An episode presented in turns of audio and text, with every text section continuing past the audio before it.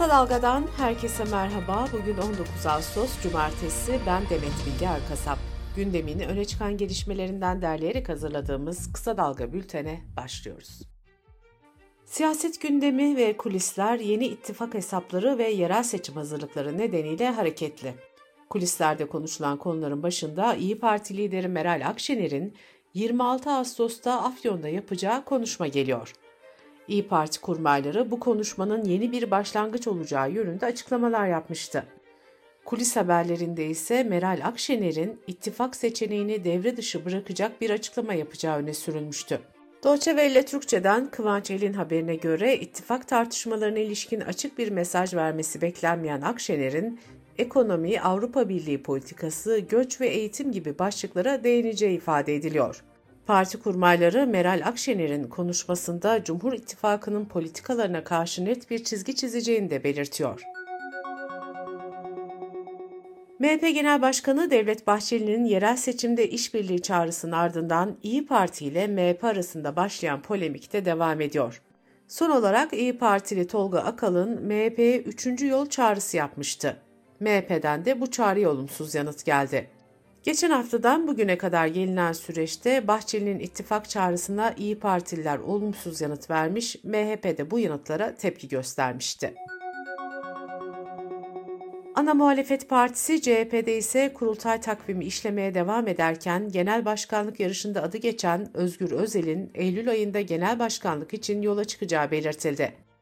Diken'den Altan Sancar'ın haberine göre Özgür Özel'in adaylık açıklaması için bir metin üzerinde çalıştığı, bu metnin bir tutum belgesi işlevi göreceği ifade ediliyor. CHP Genel Merkezi ise kurultayda partinin genel başkanı Kemal Kılıçdaroğlu'nu aday gösterecek. İkinci bir adayın çıkması durumundaysa kurultayda verilecek önergeyle parti meclisi için blok liste uygulamasına gidilmesi planlanıyor.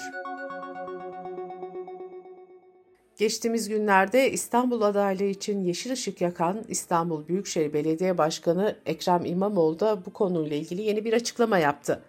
İmamoğlu, İstanbul yolculuğumuz kesindir ve çok önemli bir yolculuktur dedi. Cumhur İttifakı'nda ise çatlak olduğu iddiaları bir süredir gündemde. Cumhur İttifakı içinde yer alan Yeniden Refah Partisi, hükümetin ekonomi politikalarına ve yapılan zamlara tepki gösteriyor. Gazete Duvar'dan Serkan Alan'a konuşan Yeniden Refah Partisi yöneticilerinden Suat Kılıç, hükümetin 20 yılın hatalarıyla ekonomiyi finanse etmeye çalıştığını belirtti.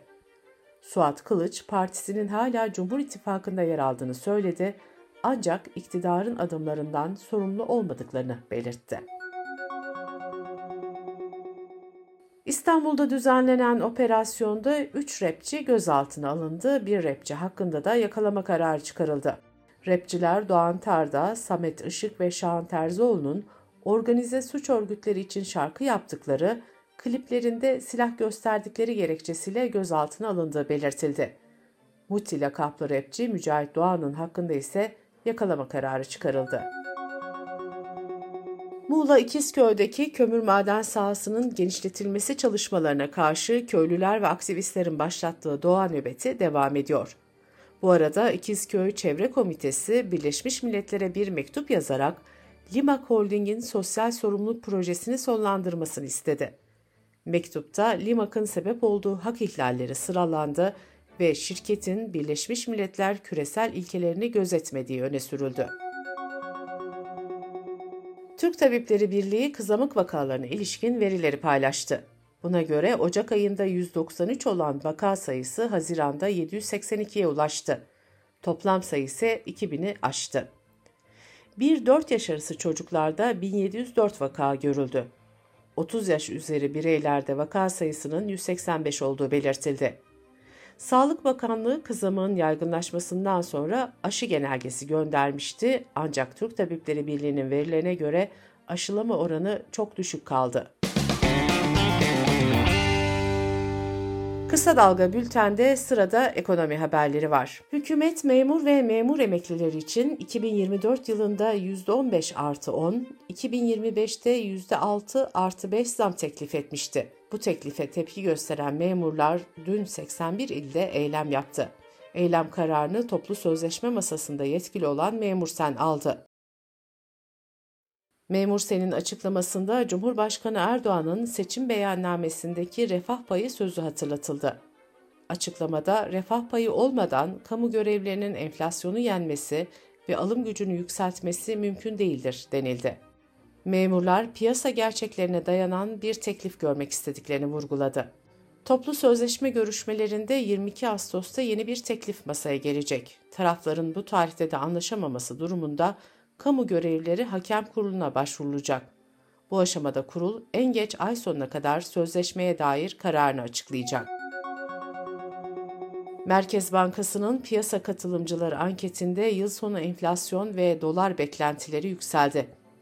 Bir önceki anket döneminde %48.23 olan enflasyon beklentisi %59.46'ya yükseldi. Katılımcıların cari yıl sonu döviz kuru beklentisi ise 28 lira 46 kuruştan 29 lira 82 kuruşa çıktı. Türkiye Odalar ve Borsalar Birliği Temmuz ayında kurulan ve kapanan şirket verilerini açıkladı. Ocak-Temmuz döneminde 11.559 şirket ve 449 kooperatif kapandı. Temmuz ayında kurulan şirket sayısı Haziran ayına kıyasla %1.1 oranında azaldı. Kapanan şirket sayısı ise %10.7 artarak 2067 oldu. Haziranda ise 1867 şirket kapanmıştı. Brent petrol ve dolar kurundaki hareketlilik akaryakıt fiyatlarında da değişikliğe neden oluyor. Motorine 1 lira 52 kuruş indirim yapıldı.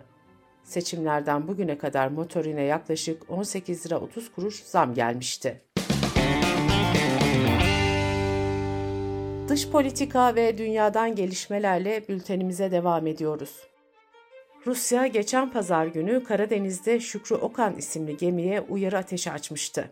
İletişim Başkanlığı Türkiye'nin bu saldırıya sessiz kaldığı yönündeki eleştiriler üzerine bir açıklama yaptı. Başkanlık Türkiye'nin Rusya Federasyonu'nu uygun şekilde ikaz ettiğini belirtti. Öte yandan Ukrayna'nın Odessa limanından yola çıkan Hong Kong bandıralı bir gemi İstanbul'a ulaşan ilk kargo gemisi oldu.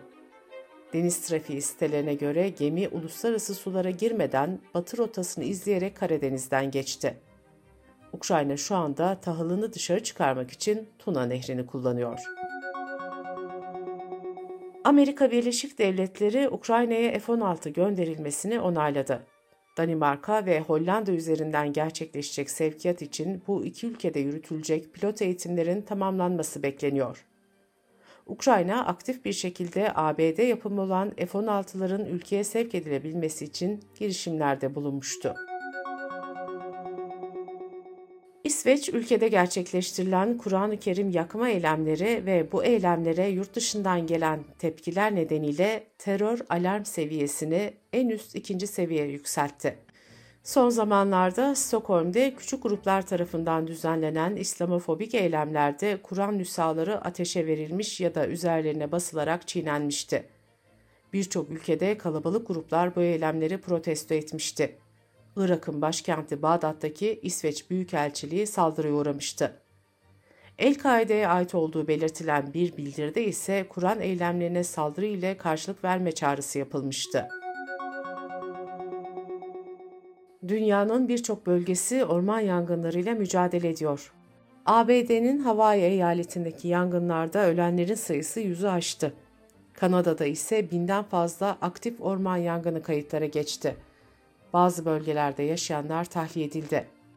İspanya'nın güneybatısındaki Kanarya adalarından Tenerife'de ise yerleşim yerlerini tehdit eden yangın nedeniyle 5 köy boşaltıldı.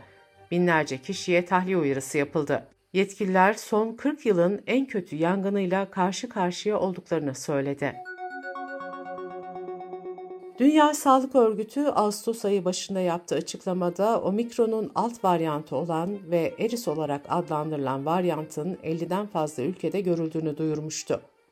Almanya'da 7-13 Ağustos tarihleri arasında 2425 COVID vakası kayıtlara geçti. Vaka sayısının son 5 haftada iki katına çıktığı açıklandı. ABD Hastalık Kontrol ve Önleme Merkezi ise COVID-19'a neden olan virüsün yüksek oranda mutasyona uğramış bir varyantını incelediklerini duyurdu. Bültenimizi kısa dalgadan bir öneriyle bitiriyoruz. Kitap Konu Kahve programında Yeşim Özdemir'in gazeteci Nilay Örnek'le gerçekleştirdiği söyleşiyi kısa dalga.net adresimizden ve podcast platformlarından dinleyebilirsiniz.